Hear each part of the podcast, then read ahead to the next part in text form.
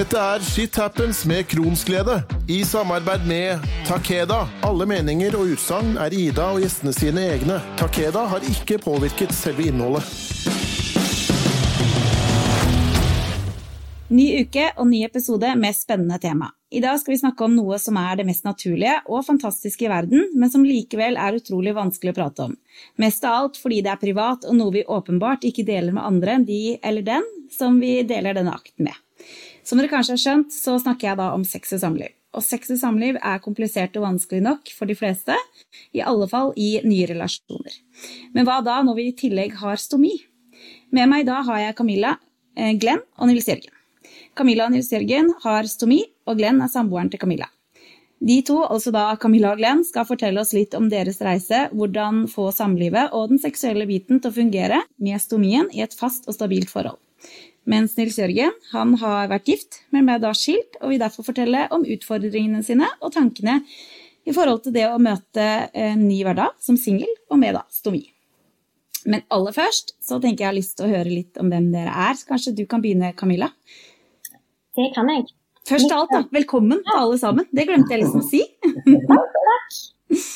Vær så god, Camilla. Ja. Mitt navn er Camilla Tjessem.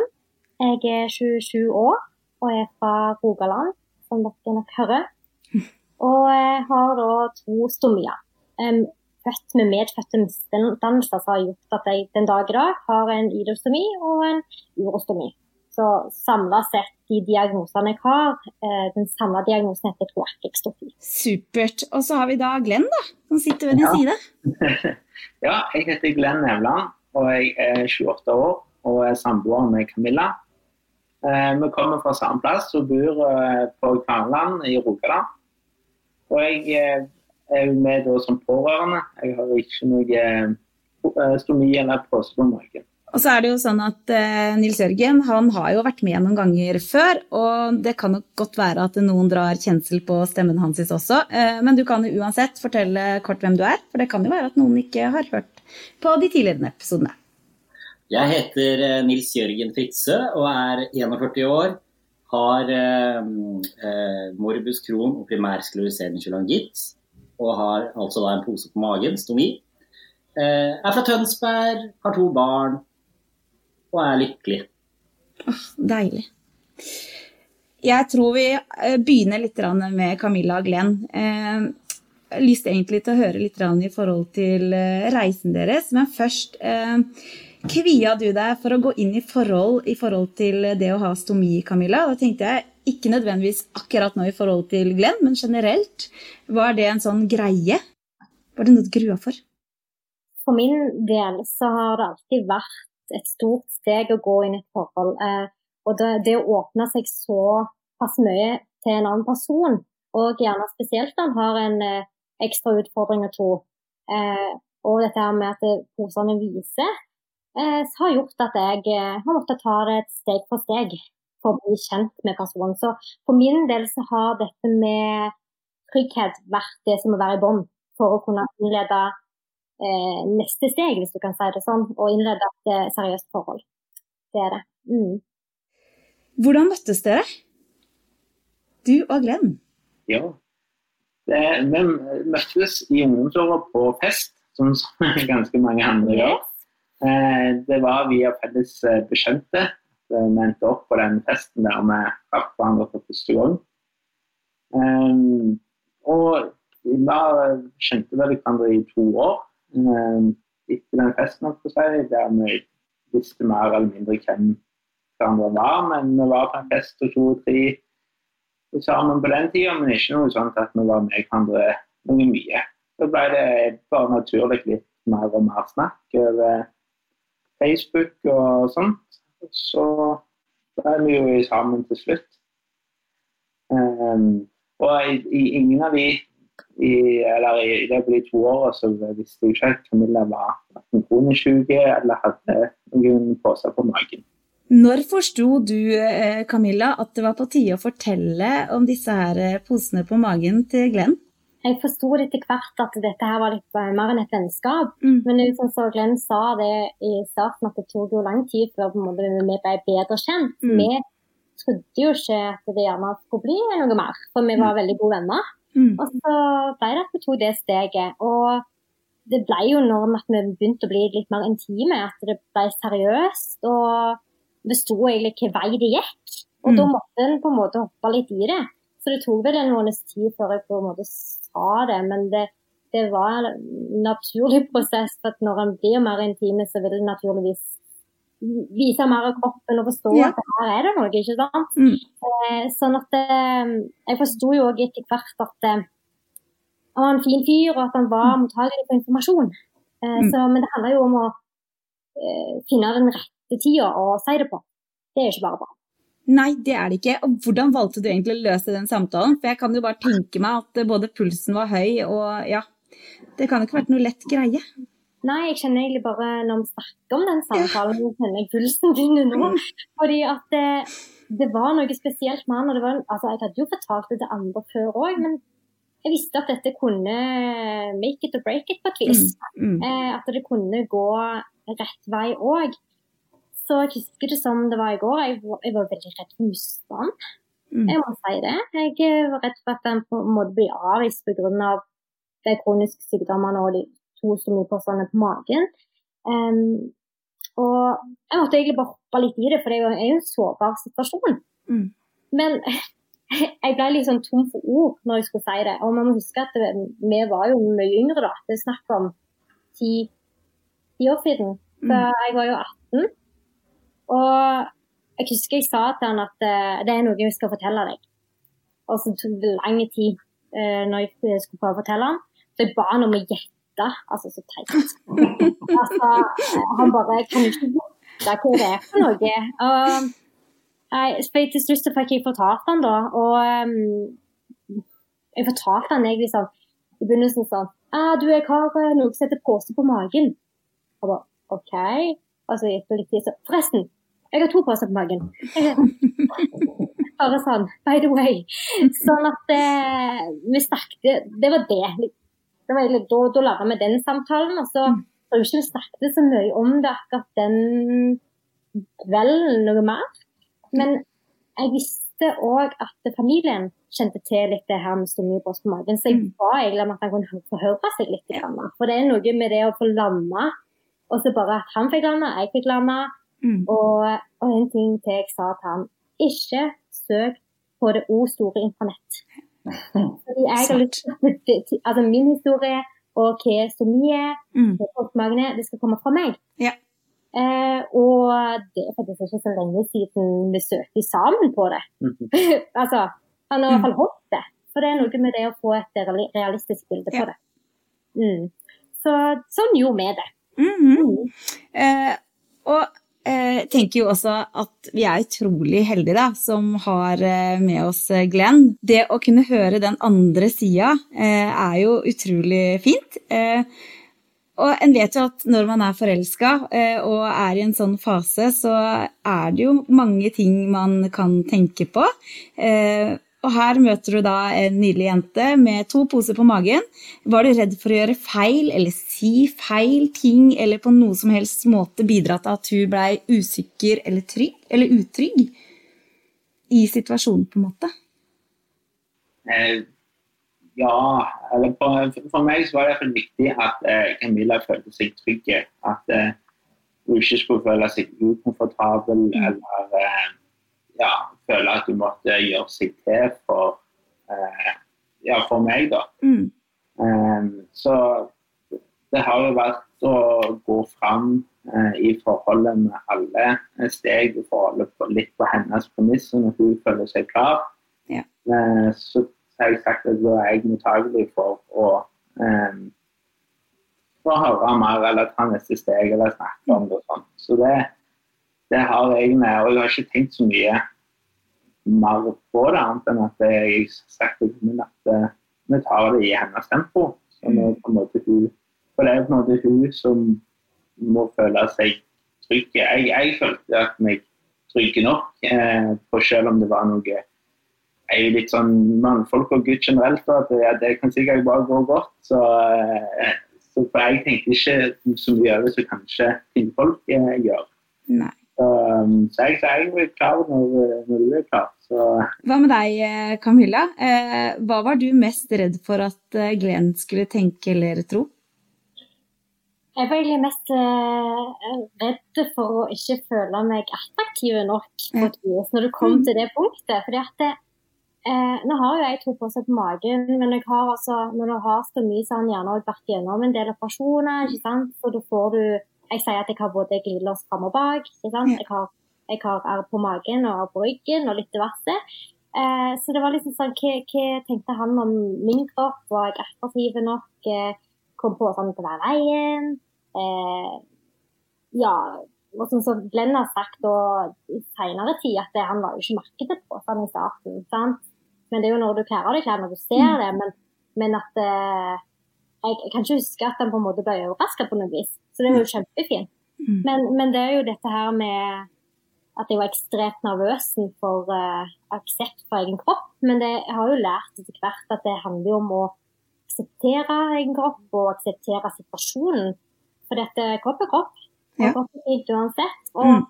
og dette her med arr og påstander viser jo til syvende og sist egentlig bare hva du har vært gjennom. Ja. Altså krigere, som jeg kaller dem. Ikke sant? Mm. Sånn at det, det høres jo enkelt ut når du sier det, men det har selvfølgelig vært en prosess. Mm. Eh, det har det. Mm. Og det er vel eh, Det var vel ikke sånn at eh, det første dere gjorde var å på en måte hoppe rett i senga. Det var vel noe som tok eh, litt tid, ikke på en måte første date, kanskje? ja, det har jo tatt Det tar jo sikkert litt lengre tid enn i et vanlig forhold med to friske personer, å si. Men eh, det Iallfall etter den samtalen i starten når Camilla fortalte at hun hadde stomi, så, så får han en litt annen forståelse og forhold til det. Og som, eh, som jeg nevnte tidligere, så, så sa jeg at det, det er jo ikke Du skal ikke liksom føle deg pressa til å gjøre noe. Og vi var jo jeg holdt på intime eh, uten å ha sex eh, i starten av forholdet. Eh, selv om det tok litt lengre tid eh, før vi hoppet i senga. Men eh, det var ikke noe sånn unormalt lenge at jeg tenkte nå, nå må vi få gang. Jeg dekka behovene med å være intim og kose og ja. Ja, seksualitet omhandler jo så mye masse. Ja, sant? det gjør det. Det gjør det. steg men, men det er jo sånn som eh, Jeg husker jo eh, den første gangen veldig godt. Det var jo jeg som måtte ta det steget til slutt. Det var jo rett og slett når jeg hoppet i dusjen med han. Mm, mm. Sånn at det, ja, det var et skrekkblanda fryd. Ja. Eh, så da ble vi godt kjent. Det kan jeg tenke meg. Eh, og at eh, det ikke blei med bare den gangen, er jo virkelig et tegn på at dette her eh, var suksess. Eh, men hvor viktig er jo den tryggheten for deg da, Camilla? Og det har alltid vært eh, viktig med trygghet for meg. Det er noe med det, greit nok en, at han møter noen han kan være litt intime, men det er jo når en skal innlede et, et seriøst forhold, så har det òg vært veldig viktig med trygghet. Eh, fordi at det handler jo om å eh, få gjensidig aksept, ikke sant. Og, og om de er jo glad i hverandre og, og dette her. Men det, det som òg var viktig, var at eh, det med åpenhet om Mm. det. Men, eh, men igjen, det har, for meg så tok det tid. Ja. Jeg har jo egentlig alltid vært åpen om påstandene på magen og sånt, egentlig til alle rundt meg. Men når det, når det begynner å bli sånn seriøst, og eh, den andre parten blir mottakelig for informasjon, så, så må du slippe bomba, hvis du kan kalle det Ja. sånn. Mm. Ja. Mm. Altså, du må liksom ja, ta Det er noen ekstra steg i et forhold. Eh, spesielt når du har på magen eller har på en måte eh, litt, litt bagasje som du må fortelle om. Og, det, og de stegene er jo tunge, men viktige å ta. Så det gjelder jo å bare hoppe i det, og hoppe i det på rett tidspunkt. Mm. Så det ikke kan slå eh, feil vei. Så det er jo litt med tegninger på når du skal fortelle ting, når du skal gjøre ting. Eh, og når du får gjort de tingene, så, så er det jo, styrker det jo forholdet veldig. Mm. Mm. Mm. Så det var jo en big deal i starten. altså Nå er det nesten sånn at du ofte ikke tenker på det. Du har ikke tid til å tenke på det. Altså, sånn. Så det handler jo om at hvordan finner blir kjent med hverandre. Mm. Og nå har dere jo vært sammen i mange år eh, og er blitt eh, veldig trygge på hverandre. Eh, hvilke ting er annerledes hos dere enn hos et par som ikke har noen hensyn å ta, tror dere? Det kan ikke være så mye, tenker jeg, annet enn at ja, hvis Camilla kanskje må springe en kjapp tur på do for å tømme påsene, eller mm. Ja. Det, egentlig så er det ganske vanlig, vil jeg jo tro. da. Mm er veldig godt kjent. Altså, jeg vet ikke om du, så, eh, sant, En får jo vite alt om, om, min historie, og jeg kan vite om hans historie. Du må på en måte bli veldig godt kjent når det er på en måte noe ekstra i forhold til kropp og, og følelser. Um, mm. Men jeg tror òg, sånn som vi, har snakket om, at det, eh, når en har stomi, så har en fått gjerne en kronisk sykdom eller to. Så, så mer det at en, en må finne en god balanse der. Altså det, det, er jo et helt annet tema egentlig med at du kan både være, ha utmattelse og, og smerte og sånn. Ja. Men, men, i forhold generelt så må en jo finne, finne, balansen, tenker jeg. Mm. Sånn at jeg, jeg, tror mer det er, er, det som er på en måte annerledes. da. Mm. Ja. Vi skal snakke litt uh, mer rundt dette her, uh, men uh, jeg har litt lett å høre litt fra Nils Jørgen også, fordi du er singel og fikk stomi når du var gift, ikke sant? og fortalte meg her om dagen om en redsel for nettopp den seksuelle biten skulle forandre seg når du fikk stomi, altså under operasjon og, og den biten der. Kan du ikke fortelle litt om, om det? Jo. Eh, eh, jeg var 26 år da jeg opererte. Eh, historien min har jeg fortalt her før. Men, men eh, eh, jeg var langt nede og ikke veldig tøff når, når dagene nærmet seg når jeg skulle operere. Og det toppet seg litt i forkant når vi skulle gjennom disse obligatoriske samtalene med stomisykepleiere og kirurger osv. Og, så og jeg husker veldig godt den samtalen med kirurgen hvor han i tillegg påpekte faren for komplikasjoner i forbindelse med den operasjonen. Og dette her med eh, at eh, noen blir eh, rett og slett impotente. At, at det kan være en bakside ved operasjonen. Eh, den gang så var det 4 av eh, menn som gjør denne operasjonen, kan, eh, altså opplever å ikke få potens igjen. Og når du er langt nede og du, du strever, så er det klart at du er ikke så vanskelig å se for seg at du er en av de fire av hundre. Ja. Av de 4. Ja. Så, så, jeg var veldig redd i den perioden, i tillegg til at jeg skulle gjøre en forandring på utseendet mitt. Mm. Så var også det en stor bekymring for meg i dagene før mm. operasjonen og i dagene etter. Mm. Eh, for at den delen også skulle på en måte bli revet bort. Ja. ja. Det skjønner jeg, og det er jo ikke sånn at man på en måte finner ut av det med en gang heller. Så det tar Nei. litt tid. Mm. Det gjør det. Men det gikk heldigvis bra. Det gjorde det. Ja. Du hadde flaksen på din side der. Jeg hadde flaksen på min side. Det er bra. Men så blei du jo singel, eh, og plutselig så skulle du da ut på det åpne markedet med stomi. Eh, mm. Det hadde du heller aldri gjort før? Det hadde jeg aldri gjort før. Og jeg hadde sikkert ikke regna med at jeg skulle gjøre det heller. selvfølgelig. Jeg var godt gift, og, og, og det var jo en trygghet i seg selv under mm. selve operasjonen. Og det var nesten også en forutsetning for at jeg ville operere, for at mm. jeg, jeg var på en trygg plass i livet. Mm. Eh, og all ære til min daværende kone som gjorde den reisen eh, lett og grei. Mm. Og så eh, skjedde jo dette at eh, vi går fra hverandre, og da må man jo hoppe i det, da. Mm. Ja. Så absolutt. Tenkte du at stomin kunne være eller altså at stomin kunne gjøre det vanskeligere for deg å få dekt behovene uavhengig da om det var et one night stand eller en med fast partner i den perioden der da, som nysingel? Ja, det er klart at det gjør man. Og, mm. og, så absolutt. Og så gjør man seg en del tanker rundt det. Og så ender man jo opp med at eh, jeg på min del iallfall, at dette her skal ikke stoppe deg da, ikke sant. Dette her må man bare øh, øh, kjøre på med. Og eh, for min del så er det litt sånn at da må man, man må forberede seg, og så må man gjøre seg opp noen tanker i forhold til hvordan du ønsker å fronte det. Mm. og så syns jeg det er ekstremt viktig at man da tør å eie situasjonen man kommer i. Og så er det ekstremt viktig å tørre å eie sin historie, mm. ikke sant? Mm. Uh, som er gjerne da ditt liv, da, ikke sant? Mm. mm. Det gjør det lett. Ja, jeg lurer litt på hvordan forteller man egentlig da, eh, en jente eh, som du liker, enten eh, i en situasjon ved en date, eller det spiller jo egentlig ikke noen rolle, at hei, forresten, jeg har stomi. Mm. Hvordan tar man den samtalen? Ja, ikke sant? Det er jo litt taktisk, det er taktisk valg man må gjøre. Mm. Og jeg tror det er viktig å forsøke å gjøre det på et så riktig tidspunkt som mulig. Man vil jo gjerne kanskje ikke slippe det for tidlig.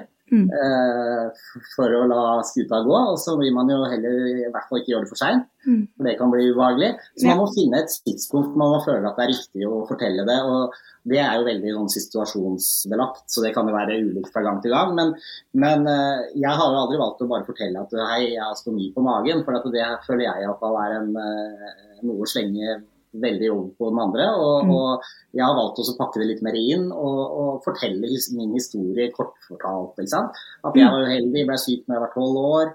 Eh, sånn og sånn og sånn og sånn. Og når jeg var 26, så måtte jeg gjøre en operasjon på magen. Altså, altså du, du, forteller det på en måte som Altså, det må eie, ikke sant? Du må eie historien og eie, mm. eie situasjonen. Eh, prøve å legge det fram så riktig som mulig. Det er mm. vel eh, det jeg vil fram til. Mm. Eh, og når da den eh, katta er ute av sekken eh, og sex ligger i korta, hvilke forberedelser må gjøres da hvis man har stomi? Og da tenker jeg jo egentlig både Nils Jørgen og Camilla kan svare litt på det. For det er jo kanskje også forskjell fra dame til mann, jeg vet ikke. Hva er tankene her? Nei, jeg kan, jeg kan begynne, jeg. Altså, jeg er jo veldig opptatt av altså, Jeg forbereder meg på den måten at jeg må, jeg må, være ærlig og si at uh, litt den spontane sexen har jo vært uh, litt vanskelig for meg å opprettholde. Uh, I mm. forbindelse med at jeg føler at jeg har lyst til å, å, å skifte og dusje og være ren. Det mm. gjør man jo kanskje sikkert uavhengig av pose eller ikke. Men, men, men jeg, det er veldig viktig for meg å sørge for at alt er på stell. Mm. Så, så, så, jeg forbereder den delen litt, uten at det trenger å være så omfattende eller så mye. Men jeg, jeg sørger jo for at jeg får tid til å gå og fikse meg litt før man hopper til køys. Mm. Mm. Camilla? Ja, altså eh, For min del, eller for vår del, så, så var det mye mer forberedelser i begynnelsen. Mm. Da var det mye mer å tenke om hvordan jeg så ut, og at eh, jeg, jeg, hadde gjerne sånn blondebelte på, eller påsovetrekk og sånne ting som en kan, kan, bruke for å føle seg mm. litt mer komfortabel. Og da brukte jeg òg sånne litt sånn mindre poser for at det ikke skulle være i veien. Eller i hvert fall følelsen for at det ikke skulle være i veien. Eh, og nå bryr jeg meg ikke om det. Det, er bare å flytte, flytte på posene hvis de er litt i veien. så enkelt som det. Mm. Men, men eh, så, så, det som er forberedelse nå, er mer litt posene er fulle. Eller at jeg mm. føler at jeg må gå og tømme, og vi, vi er litt i gang. Og så er det litt sånn sånn Bare gi meg to minutter, jeg må bare på do. Mm. men det er jo fort gjort å tømme de posene. Så det, det handler litt mer igjen om, om trygghet og, og, og hvor mye de punktene får på en måte ta, ta plass da, mm. i, i, eh, den intime biten. Mm. Um, I forhold til at jeg følte at jeg, jeg ikke var komfortabel. Men mm. uh, nå er det noe helt annet. Uh, nå er, tenker vi ikke så mye over det. Ikke? Nei, og jeg vil jo tro at kanskje det er litt forskjell også, fra når man er i et trygt par hvor man har kjent hverandre lenge, til på en måte den nye fasen hvor man skal bli kjent. Det er jo to vidt forskjellige eh, epoker, da. Eh, og dette med trygghet er jo selvfølgelig kjempeviktig, men aksept for egen kropp, det må jeg jo eh, tenke meg Altså, det, det, må jo være på plass først, jeg tror. Hva er tankene deres rundt eh, det? det? Er det like lett hvis man misliker sin egen kropp? Nils Jørgen, har du noen tanker her? Ja, det har jeg. Eh, det har du Nei, det er absolutt altfor mye lettere hvis du har akseptert eh, din egen situasjon og din egen mm. kropp, eh, og at du har hodet, hodet rett på plass. Eh, så, så, jeg tror at det er eh, viktig at man, at man klarer å finne, finne, seg til ro med at sånn er situasjonen. Mm. Da er det mye lettere også til å få andre til å føle seg trygge. Eh, mm. ikke sant? Mm. Så, så det er ekstremt viktig. Um, absolutt. Og så tenker jeg også at det er en prosess, og det er jo en mm. prosess som hver enkelt må finne ut av sjøl. Og, og, at en føler at det gjerne er vanskelig i starten. Mm. Eh, jeg òg var der. Jeg syns det var veldig vanskelig å akseptere sin egen kropp. Jeg fikk i oppgave av, av eh, helsepersonell å liksom se meg i speilet og si du er god nok som du er. Men igjen, nå har jeg hatt eh, dette siden jeg var blitt liten og ungdomsår og alt dette her.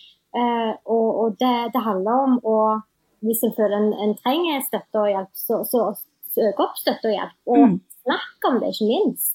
Jo mer du snakker om det, jo lettere blir det. Så, så igjen en prosess og eh, veldig viktig å bli trygg på egen kropp. og Da, da blir du trygg på deg sjøl òg. Mm. Det, det henger sammen, og da får du det bedre i forhold til samliv. Så jeg Klart det. Mm, Og det, er også smitte, altså, det smitter på partneren òg hvis du er utrygg eller hvis du er trygg. Så det er veldig viktig det som blir nevnt her, òg fra en partners side.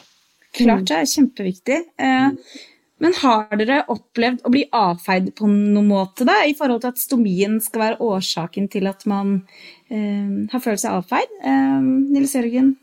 Nei, det har jeg aldri opplevd. Eh, Så kan det hende at det finnes noen gode skuespillere der ute, men, men det er også altså Grunnen til at vi det hele tatt gjør dette her, Ida, er jo for å på en måte prøve å spre litt budskap og litt trygghet og litt kunnskap rundt, eh, rundt situasjonene vi er i, og det å leve med stomi osv.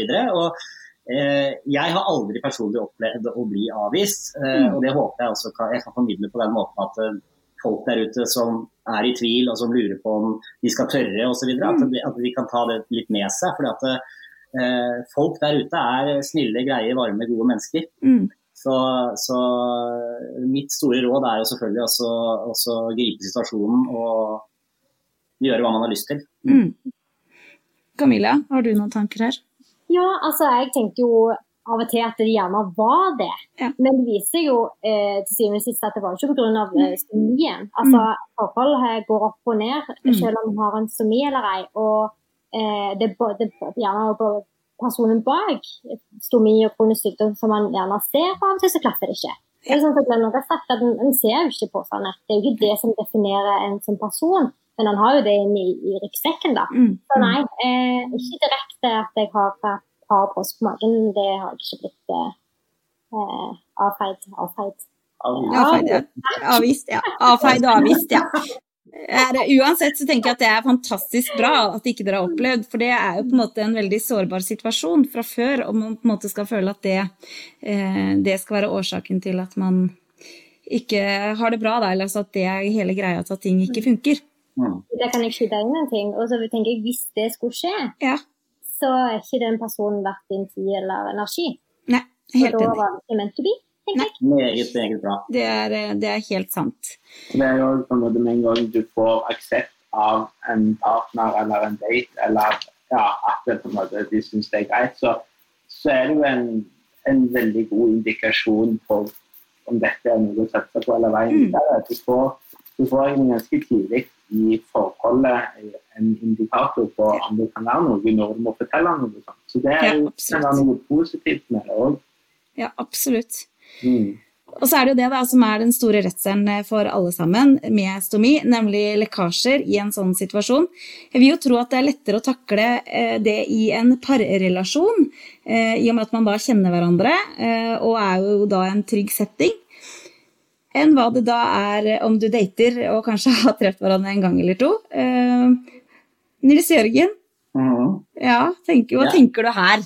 Du, Der tenker jeg masse, og det tenker jeg veldig veldig mye på når jeg er ute og treffer folk. Eh, og, og det er jo klart at det er jo eh, kanskje den store frykten, da, ikke sant. Eh, og så må jeg få lov å si bank i bordet at jeg har heldigvis ikke opplevd noen ubehageligheter eh, når det kommer til lekkasjer og sånne ting eh, under noen sexrelasjoner. Så, så jeg har jo kanskje vært heldig, eller så har jeg vært dyktig i forhold til forberedelser og de tingene der. Eh, eh, så, så som sagt, jeg er veldig glad for at jeg aldri har opplevd det. Men skjer det, så får man også prøve å eie den situasjonen. Men eh, jeg har mange, mange katastrofehistorier i forhold til lekkasjer, men ingen når det kommer til sex og samliv. Det er jo fantastisk. Eh, Camilla? Altså, det er jo sånn som uh, Nils Jørgen også sier, at det er jo noe det man går gjerne og tenker litt på. ikke Mm. sant? At det, vet jeg at mange kjenner seg igjen i, at det er på en måte den største frykten. Eh, og eh, det har ikke skjedd eh, så mange ganger hos oss, men det har, vi kan telle på ei hånd, Mm. rett og slett.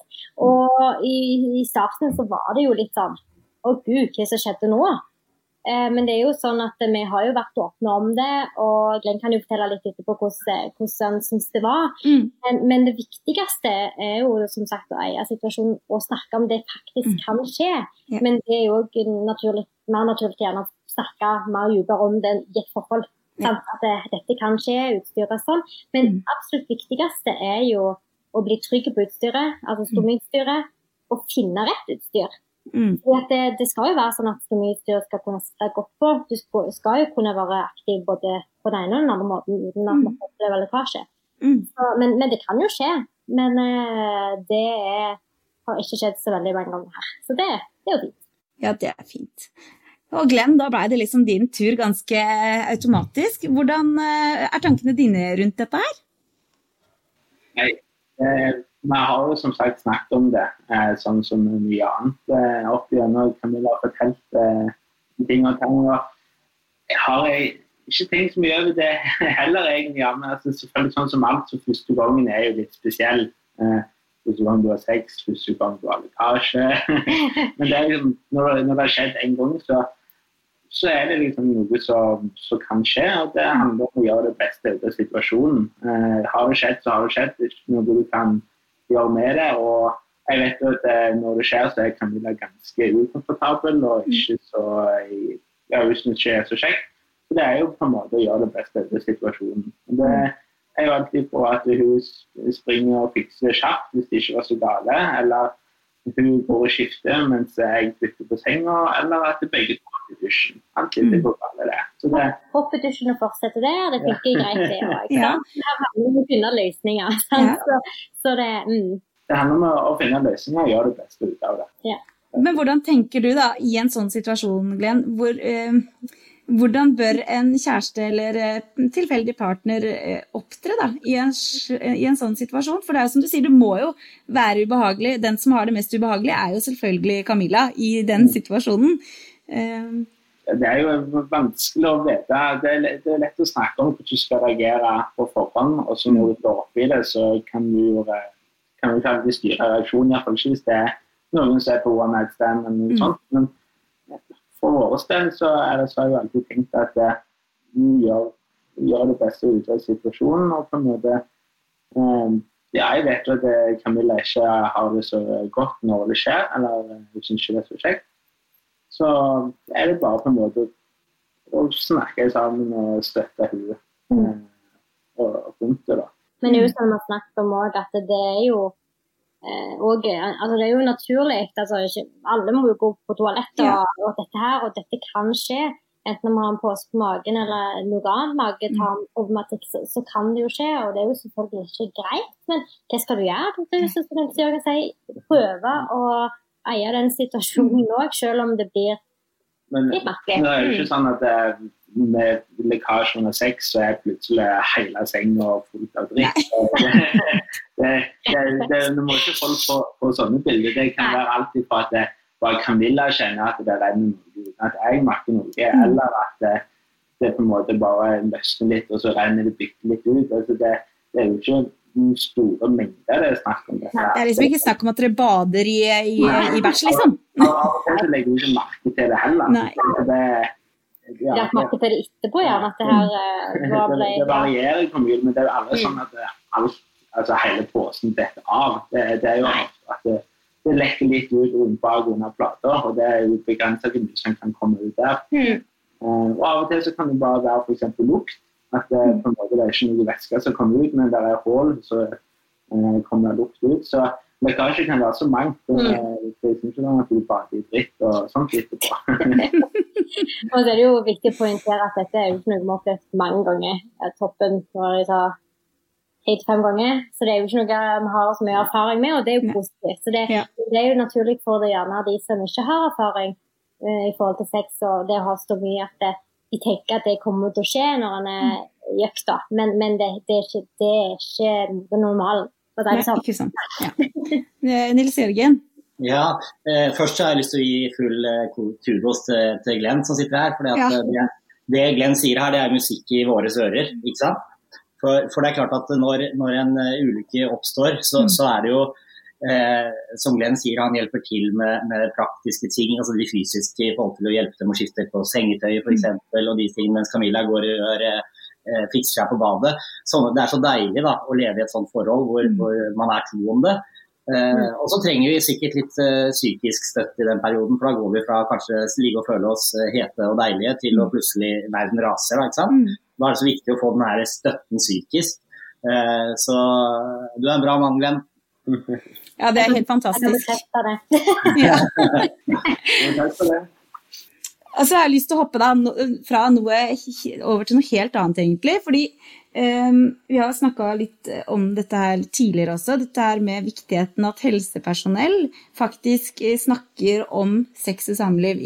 Ikke bare i forhold til sykdom og den biten her, men når man da har stomi.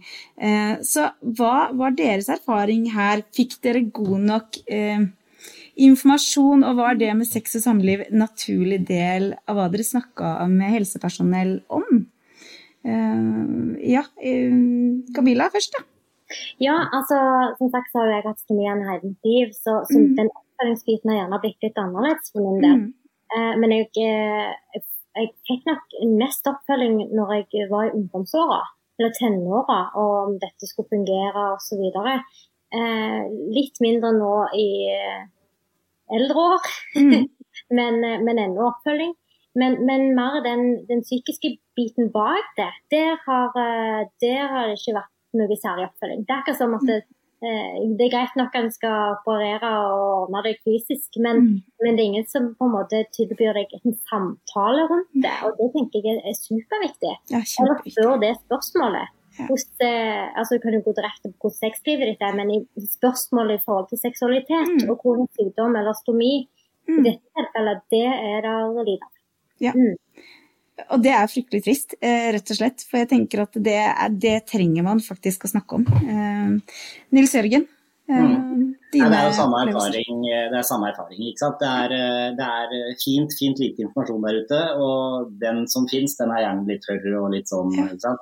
Disse brosjyrene, det er ikke Nei, det er, det er fraværende. Så der har helsevesen, legemiddelforetakene, alle disse menneskene som jobber rundt, eh, rundt dette her med stomi og, og at vi skal ta livet tilbake igjen og sånne ting, der har de eh, mange, mange, mange steg å ta. Mm. For at, altså, seksualitet er jo på lik linje viktig som våre grunnleggende behov. Ja. Både fysisk, psykisk og sosialt. Altså, det er jo en del av den pakken. Så jeg tenker det er like viktig. Så still det spørsmålet og snakk om det. Altså. Det si. Ja, det, det burde jo vært egentlig eh, en av de tinga man eh, Som var en av de tinga man måtte innom da, eh, før man fikk lov til å dra hjem med, med stomi. At man hadde snakka om dette her med sex og samliv, at man hadde vært innom dette her med hvordan leve livet med, med en stomi på en måte på lik linje som en sykdom. Eh, og der er det som sagt en lang vei å gå. Uh, og en må jo bare håpe da at uh, fremtida kan bli annerledes. Eh, Tida den flyr jo fra oss, og vi må runde av for denne gang. Men det er jo et tema som jeg tror vi kommer til å, å ta opp igjen seinere. Eh, så før jeg avslutter, så har jeg litt lyst til å ha litt råd jeg, fra dere. Så jeg har lyst til å spørre deg, Camilla, hva er ditt råd til andre med stomi i forhold til akkurat dette temaet? Mitt råd det er jo, som jeg har snakke om det. eh, Prøve å være åpen om det, men også opp litt i det. Mm. Eh, fordi at eh, jo mer du snakker om det, jo mer tryggere kan du bli på det. Og igjen, det omhandler oss alle, dette med seksualitet. Sånn at eh, en er jo ikke alene.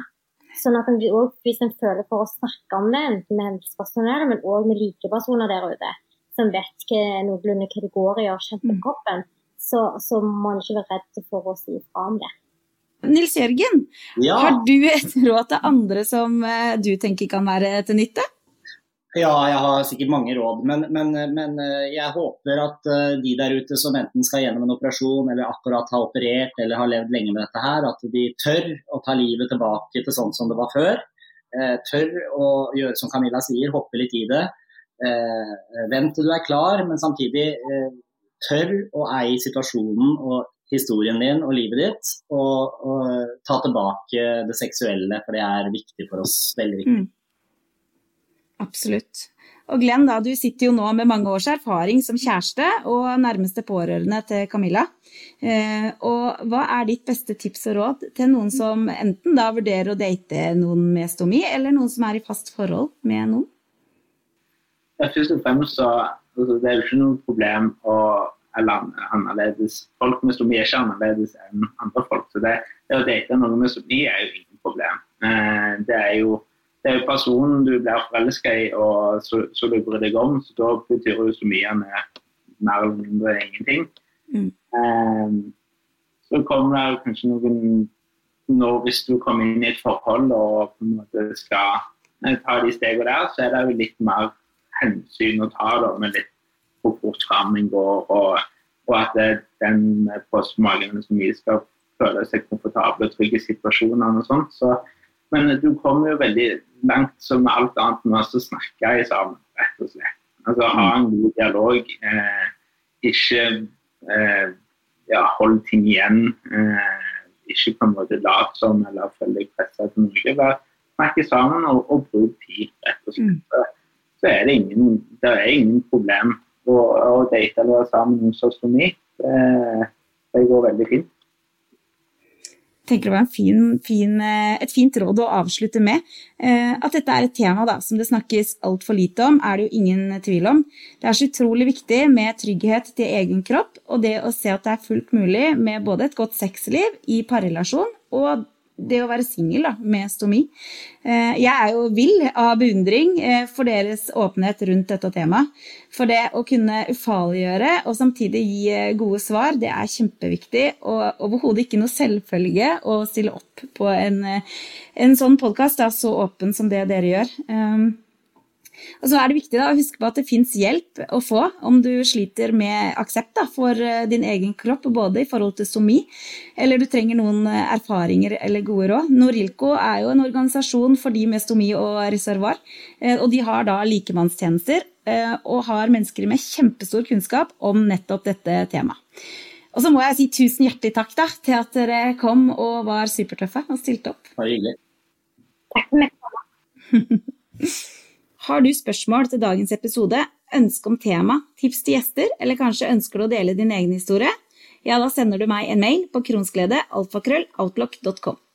Jeg er også tilgjengelig på Facebook under navnet Kronsglede, og på Instagram som shithappens-kronsglede. Der kan jeg svare på spørsmål, ta opp problemstillinger. Om du trenger råd, veiledning eller noe annet, er jeg også der. Lik gjerne sida både på Facebook og på Insta for å holde deg oppdatert. Men nå kommer jo da det aller viktigste. Husk å abonnere på podkasten, slik at du kan få varsel før neste episode slippes. Til vi høres igjen, et godt sexliv starter med å godkjenne egen kropp. Først da kan du ta imot andres kjærlighet. Shit happens med Kronsglede i samarbeid med Takeda.